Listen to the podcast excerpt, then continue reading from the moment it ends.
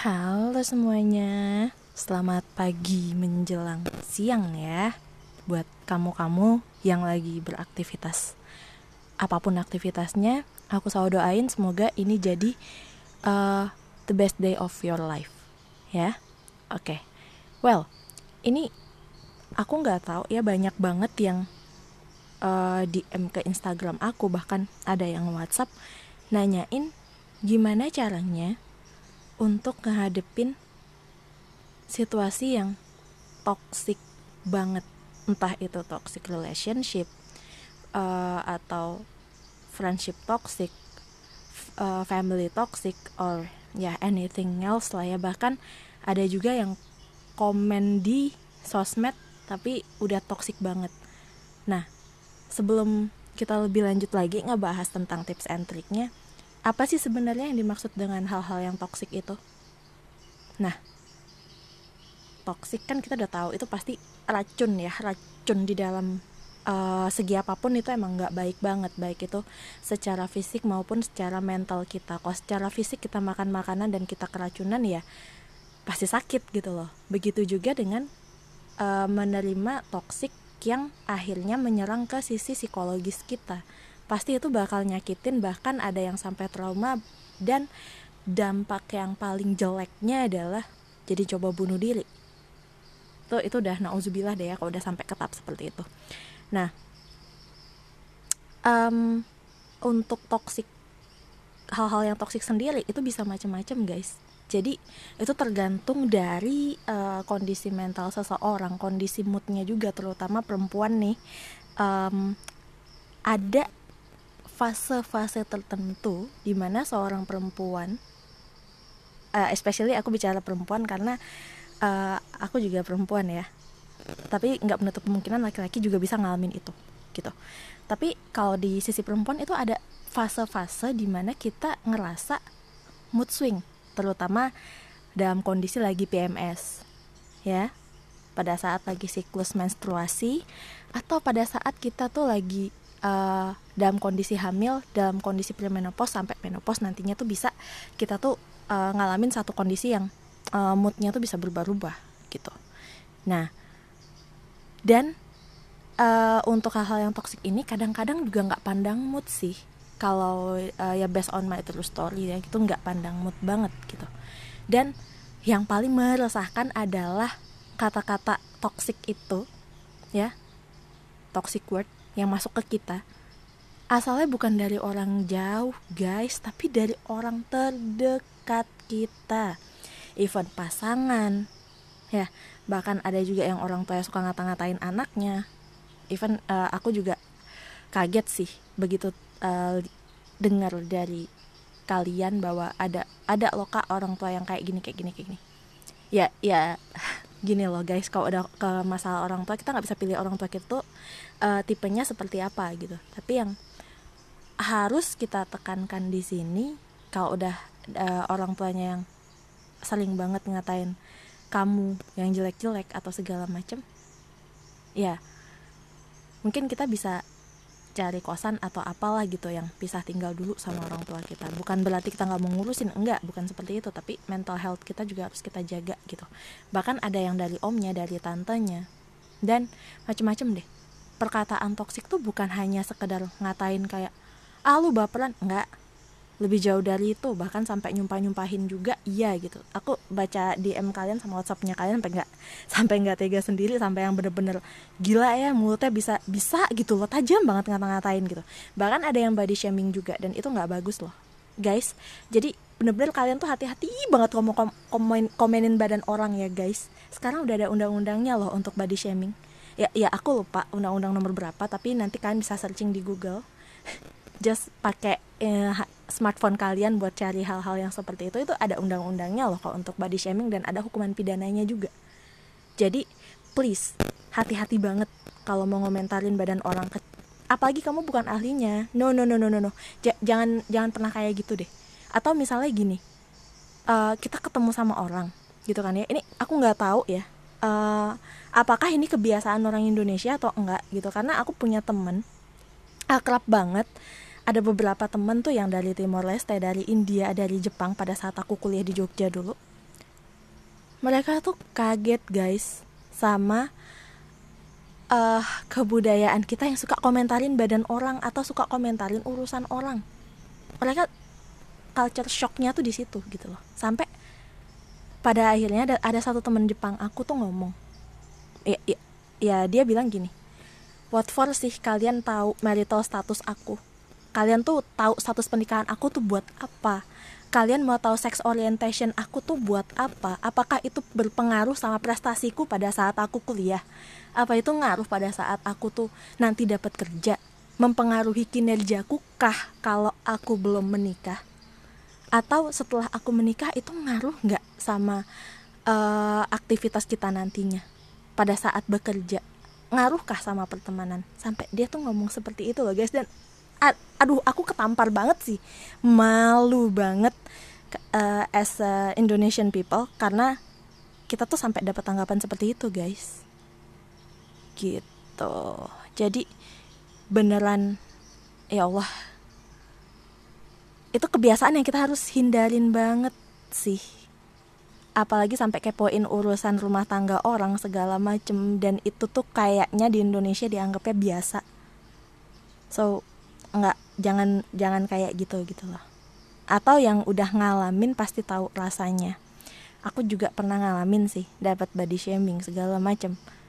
Ya untungnya aku lumayan cuek sih orangnya. Ya aku cuman bilang gini ya sudah uh, kamu mau care oke okay, tapi tidak dengan cara seperti itu kamu permaluin aku di depan orang let's say kalau aku mau speak up seperti itu gitu. Tapi pada saat itu untungnya mood aku lagi dalam kondisi baik jadi ya udahlah aku nggak peduliin gitu. Cuman aku diem-diem diet segala macam. Nah uh, atau ada juga nih dia tuh ngelihat kita bahagia kayak berusaha ngejatohin gitu loh guys. Misalnya gini uh, ada satu temen dia tuh um, apa ya baru wisuda gitu loh. Dia baru wisuda terus ada nih komen ya ya I don't know dari keluarganya apa dari sepupunya bilang gini ah kamu baru wisuda D3 aja udah belagu kayak gini gini gini mau dipost di sosmed. Guys guys kebahagiaan orang itu beda-beda. Jadi jangan kamu samain standar bahagia kamu sama orang lain dong. Nggak boleh seperti itu gitu. Jadi buat kamu kamu yang ngalamin itu selain sabar kalau udah nggak kuat kamu bisa speak up. Atau sekarang uh, udah ada kok perlindungan hukum juga buat kamu-kamu yang kena bullying seperti itu. Itu udah ada guys. Dan uh, kalau udah nggak kuat bisa mungkin lapor ke sana. Next bakal aku um, mungkin kasih tahu juga ke kalian bisa lapor ke mana. Untuk yang perempuan mungkin ada lembaga bantuan hukum khusus untuk perempuan dan anak kalau ngalamin uh, hal-hal toksik seperti apalagi kalau udah sampai KDRT itu itu silahkanlah lapor ke pihak yang berwajib. Jangan takut jangan malu karena kalian juga bakal dilindungin kok. Korban tuh bakal dilindungin guys. Nggak nggak akan pihak kepolisian tuh ngebiarin kalian gitu loh. Dan um, ada juga nih yang aku tuh agak-agak heran banget. Ini sampai ada beberapa public figure tuh yang nanyanya sarkas ya emang nikah tuh harus emang punya anak tuh harus emang uh, standar hidup di Indonesia tuh hanya untuk uh, sex orientation tertentu. Guys itu tuh urusan privacy loh. Kamu jangan nanyain itu. Itu di dalam sopan santun internasional udah ngelanggar banget. Jadi jangan seperti itu gitu. Kalau kamu kamu yang sering ditanyain kayak gitu sih ya aku aku sih uh, sering tanyain kayak gitu. Jadi um, pas di usia aku yang jelang 30 deh atau udah tiga awal-awal aku 30 31 32 itu sering banget ditanyain lu kapan nikah? segala macam ditanyain kayak gitu pas aku lagi dalam kondisi sedih karena aku gagal nikah sama tunangan aku. Sih gimana coba? Nah tapi ya, ya balik lagi gitu. Bahkan bahkan bukan hanya kapan nikah loh aku ditanyainnya ini, ini aku sampai cerita sama kalian. Bukan hanya karena itu tapi ada juga yang bilang kamu tuh terlalu milih ya sampai enggak mau cepet-cepet nikah apa segala macam ya aku jawab waktu itu aku lagi mungkin dalam kondisi yang aku capek aku pusing banget lagi PMS pula. Ya, ya mungkin kok perempuan tahu lah ya apa yang terjadi pada saat kita lagi PMS um, itu bener-bener akhirnya aku aku jawab gini saya jelas aja memilih untuk siapa yang nanti akan jadi calon suami saya. Kriterianya seperti apa? Ya itu saya dan Allah yang tahu. Allah dan saya yang tahu. Saya tentunya memilih. Kenapa saya memilih? Karena saya mau pernikahan saya hanya satu kali seumur hidup. Percuma saya nikah cepet tapi ujung-ujungnya saya cerai. Dan orang itu diem dong ya nggak sih? Bahkan ada teman aku nih yang ini ini ekstrim sih kalau aku bilang. Dia sampai nyamain uh, jodoh tuh sama dengan maut. Rezeki jodoh maut itu selevel dan itu diatur sama Tuhan. Temen aku tuh bilang apa? Kamu nanyain kapan saya nikah? Nggak sekalian kamu saya tanyain kamu balik. Apa kak? katanya gitu. Aku tanya kamu kapan sih matinya? Sampai kayak gitu karena temen aku tuh udah kesel banget. Dan uh, dampaknya dari omongan-omongan yang seperti itu itu dampaknya kalau buat yang mungkin uh, pada saat diomongin kayak gitu kita dalam kondisi yang moodnya tuh lagi terkendali sih mungkin gak akan terlalu berdampak apa pun. Apalagi buat kamu yang cuek banget gak akan terlalu berdampak apa pun. Tapi bagi mereka yang lagi dalam fase terendah di hidupnya kamu gituin lagi gitu kan dapat lagi perkataan kayak gitu itu beneran nyakitin sih. Bahkan ada yang sampai apa ya sampai depresi sampai akhirnya masuk rumah sakit jiwa sampai ada yang coba bunuh diri guys. Bayangin deh cuman gara-gara kata-kata keponya itu sampai harus ngilangin nyawa orang. Ya ya aku sih bilangnya itu pembunuhan secara tidak langsung. Secara tidak langsung orang itu tuh udah ngebunuh orang lain. Kenapa aku bilang seperti itu lihat dong pemicunya dia kenapa dia ngelakuin bunuh diri. Jangan cuman kamu tuh ngehujat pelaku bunuh dirinya aja. Ah dia dosa segala macam mentalnya nggak kuat. Guys keseringan dapat kayak gitu ya siapa yang nggak sakit hati siapa yang nggak men mental healthnya keganggu guys. Sekuat kuatnya kamu sebagai manusia tuh nggak aduh nggak akan bisa terima gitu loh guys. Nggak akan bisa. Jadi kalau please ini buat kalian yang mungkin sekarang udah uh, dapat banyak pengaruh positive vibes dari mungkin public figure idola kalian atau mungkin kalian uh, dapat positive vibes-nya dari uh, psikolog kalian atau segala macam or ya whoever lah ya itu. Please yang dapat kayak gitu stop stop di kamu jangan kamu lakuin itu ke orang lain. Karena apa? Kamu tahu rasanya dapat perlakuan gak enak dapat perkataan gak enak. Dan kamu jangan balas dendam dengan ngatain hal yang sama ke orang lain. No no no no no no no, no karena kita nggak pernah tahu kondisi mentalnya seseorang kan? Nah terus uh, kamu juga nggak tahu kan dia pada saat itu berjuang seperti apa untuk bisa misalnya bisa diet. Atau misalnya bisa dapat pasangan. Kamu nggak tahu perjuangannya dia jadi jangan ngomong kalau nggak tahu. Jangan sotoy kalau nggak tahu. Deh itu gitu loh. Dan bener apa yang pernah aku baca di uh, buku agama aku bahwa berbicaralah yang baik. Kalau kita tidak mampu bicara yang baik diem. Udah paling bener. Gitu loh. Karena kita nggak pernah tahu gitu. Perkataan kita yang seperti apa yang bisa nyakitin orang lain guys. Nah kalian nggak mau kan? Cuman gara-gara mulut iseng kalian kalian jadi ngebunuh orang lain secara tidak langsung. Terus ada yang bilang lagi wah kak dampaknya ngeri banget. Iya iyalah jadi benar yang bilang kalau lidah kita itu lebih tajam daripada pisau yang paling tajam. Iya jelas, dengan lidah kamu kamu bisa ngebunuh orang kok. Dengan cara apa? Kamu ngatain hal-hal yang bikin dia sakit hati. Bahkan gara-gara mulut juga orang bisa berantem bisa saling bunuh. Bukan cuma gara-gara uang loh. Gara-gara mulut bisa saling bunuh. Salah satu tersinggung bisa hilaf. Nggak tahu nyawa siapa yang hilang duluan. Atau gara-gara nih misalnya, ah kamu uh, dikatain gini nih. Ah uh, kamu belum nikah nikah usia segini nggak ada yang mau loh segala macam. Karena udah keseringan orang itu di dipres banget coba bunuh diri dia akhirnya meninggal. Dan saat kehidupan di akhirat orang itu bilang aku bunuh diri ya Allah karena dia mulutnya dia. Bisa aja. Yang tadinya orang ini nih dihujat habis-habisan karena dia bunuh diri Allah angkat derajatnya kamu yang nyemplung ke neraka gara-gara apa? Mulut. Hati-hati banget. Ya jadi jangan asal jeplak kalau ngomong. Jangan sotoy kalau nggak tahu. Itu itu udah paling bener deh. Aku kalau ngomongin masalah toxic word nih eh kesel banget deh sama pelaku pelakunya gitu loh. Apa nggak bisa gitu? Kalian tuh belajar dari uh, at least lah. Aku tuh uh, aware banget sama hal ini karena mungkin pada saat aku kuliah di Jogja tuh aku banyak dikelilingin sama teman-teman yang emang uh, mereka pernah ngalamin hal ini? Kita sama-sama pernah dapat perkataan-perkataan toksik yang nggak enak banget toksik mana ada yang enak sih ya. Pernah mimpi kita diremehin segala macam ya tapi itu balik lagi itu dijadiin bahan bakar buat kita untuk bisa capai apa yang kita mau. Dan begitu kita capai apa yang kita mau nggak ada salahnya. Kasih tahu ke dunia bahwa kita bisa itu bisa ngobatin toksik banget sih kalau kalau kalau kata aku ya. Misalnya waktu itu aku sempet dilemehin. Ah apa bisa kamu masuk ke kampus A? Let's see. Aku buktiin kalau aku bisa dan aku bisa bahkan aku lulus nilaiku juga nggak nggak jelek-jelek banget gitu loh. Masih di atas tiga setengah IP ku aku sampai posting di sosmed apa pun kegiatan aku di kampus tersebut gitu. Sampai akhirnya aku dapat gelar sampai ya alhamdulillah uh, bisa lebih baik gitu loh. Terus uh, banyak yang ngatain juga ah kamu nggak mungkin deh ketemu sama si A. Ah nggak mungkin deh ini ah nggak mungkin deh itu. Oh.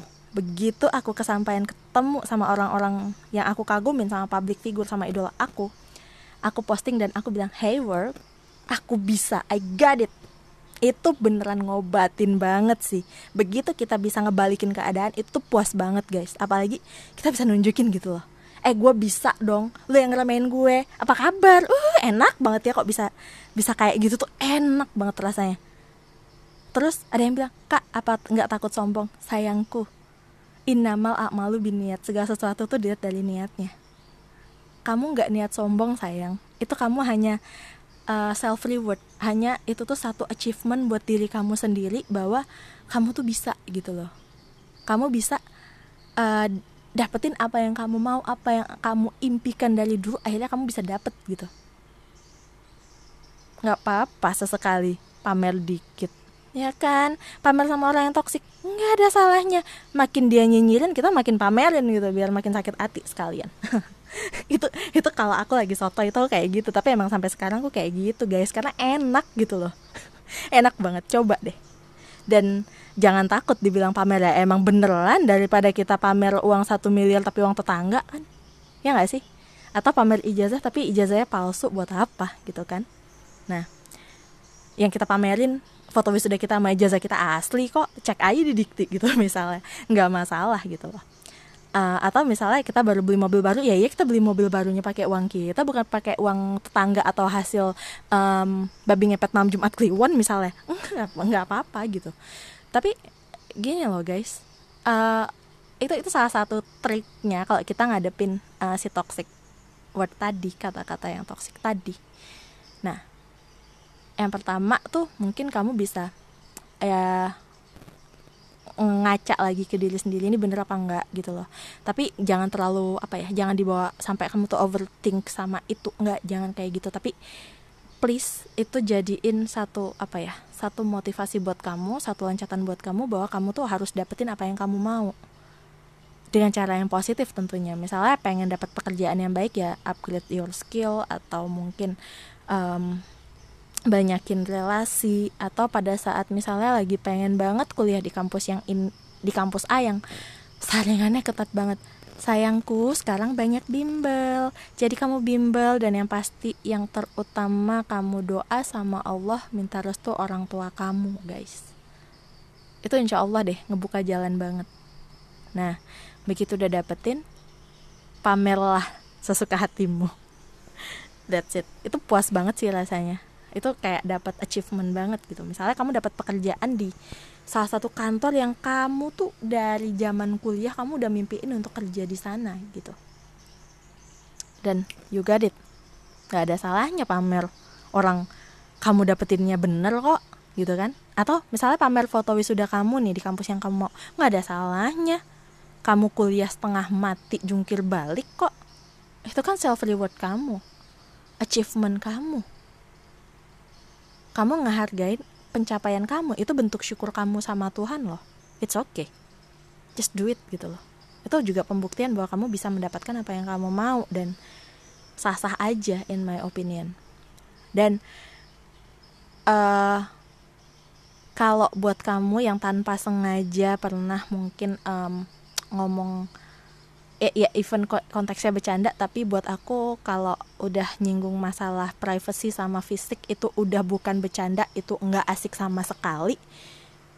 Ya minta maaf lah sama orang-orang yang kamu pernah uh, lakukan itu. Nggak ada salahnya dengan kita minta maaf. Even dia jadinya berubah sama kita ya sudah nggak apa-apa. Yang penting kita minta maaf dan kita bisa memaklumi oh iya dia kayak gini tuh karena emang pada saat itu aku nggak sengaja aku nggak tahu kalau itu nyakitin dia ya mungkin ada yang berubah dia jadi jaga jarak segala macam ya itu konsekuensi dari perbuatan kamu. Tapi dengan kamu minta maaf seiring waktu itu akan menjadi baik kok insya Allah. Tapi ya emang nggak instan sih karena pemulihan luka batin itu progresnya setiap orang juga beda-beda. Kalau luka fisik kita bisa perkirain kapan sembuhnya tapi kalau luka batin tuh text time banget buat sembuh. Takes time banget buat sembuh guys. Jadi kalau udah pernah ngelakuin itu pernah ngatain kayak gitu sama temennya segeralah minta maaf. Karena dengan kita minta maaf tuh kita plong bukan buat orang lain tapi buat healing kita sendiri kok. Buat jalan kita ke depannya. Ya mana tahu selama ini Tuhan tuh Allah tuh bila apa kayak ngepending apa yang kamu mau bisa jadi karena perbuatan kamu di masa lalu kamu nggak sengaja nyakitin sahabat kamu misalnya. Atau kamu nggak sengaja uh, nyakitin orang lain entah tetangga kamu atau adik kelas kamu adik kandung kamu or whoever itu. Bisa jadi tuh Tuhan ngehambat itu karena perbuatan kamu di masa lalu. Ya aku sih per, termasuk percaya ya kalau karma Israel tuh aku lumayan percaya juga. Hukum tabur tuai itu ada aku sangat percaya itu. Apa yang kamu tabur itu yang kamu tuai. Kamu menuai permusuhan ya insya Allah kamu dapatnya juga jelek gitu loh nabur yang jelek dapatnya juga yang jelek. Nabur yang baik dapatnya juga yang baik. Jadi itu dia sih bu, uh, menurut aku.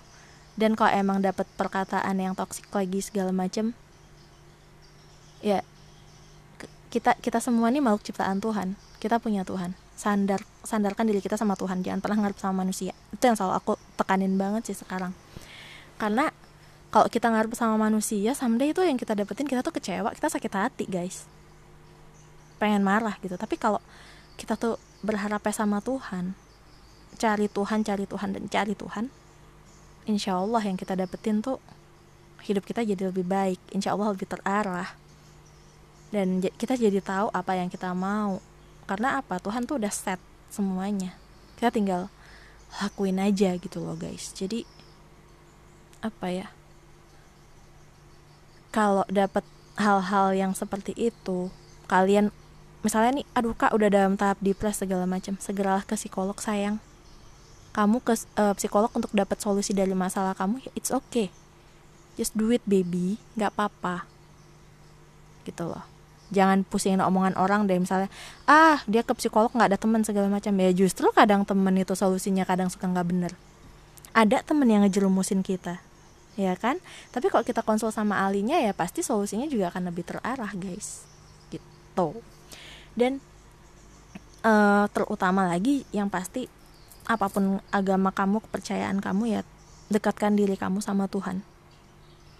Karena segala sesuatu perbuatan baik atau buruk itu akan menuai balasannya someday. Nggak ke kita ya ke keturunan kita ya aku percaya itu. Gitu loh. Jadi guys intinya gini kita nggak pernah tahu nih kapan kita bakal ngalamin kejadian-kejadian toksik atau kata-kata toksik dari siapa pun. Yang jelas siapin mental kita kalaupun kita dalam kondisi yang kita sangat down banget um, ngehindar sementara waktu untuk nggak ketemu sama orang yang ngomongin kita jelek-jelek itu itu nggak masalah kok. Apalagi dengan adanya pandemi covid gitu bisa banget kita ngehindar bilang aja aduh lagi uh, eh, WFH nih nggak sempet mau ngumpul atau ya kan lagi uh, eh, ppkm atau apa. Jadi nggak bisa dong. Atau aduh tempatnya rame nih aku lagi tenggorokannya nggak enak. Ya udah. Bikin alasan seperti itu. Bukan berarti kita mutusin silaturahmi enggak tapi itu kita lagi proses healing juga. Uh, dan itu tuh text time gitu loh. Daripada ketemu sama dia bawaannya pengen maki-maki nambah dosa guys. Mendingan udahlah dia mina aja. Nggak usah ketemuin dia lagi nggak usah berurusan sama dia lagi gitu loh. Kadang tombol unfollow block atau batasin tuh juga perlu loh guys. Atau hide itu juga perlu. Kita lakuin. Buat apa? Mental health kita sendiri. Jadi jangan mikir orang yang ngeblok tuh cemen segala macem. Ya sekarang dia ngeblok introspeksi. Kamu ngapain dia sampai dia ngeblok kamu? Ya kan?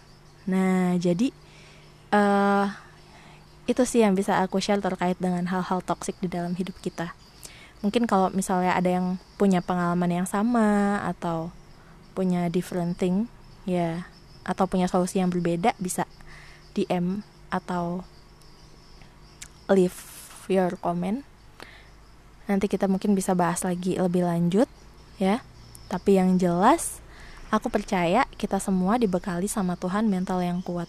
Kita ini manusia-manusia yang kuat. Dan tetap bangun afirmasi positif buat diri kalian sendiri. Karena kita kalau udah mikir positif, kita bertindak positif, insya Allah hasil yang akan kita peroleh itu juga akan positif. And I believe it. Ya, aku percaya kalian juga bakalan bisa seperti itu. Aku juga dalam proses belajar, kita sama-sama belajar. Dan yang pasti paling penting adalah kendaliin mulut dan jempolmu ya. Jangan sampai gara-gara mulut dan jempolmu kamu bisa jadi pembunuh buat orang lain. Oke, okay, see you in next podcast. Dan selamat menanti waktu sholat zuhur buat kamu-kamu yang menjalankannya. See you.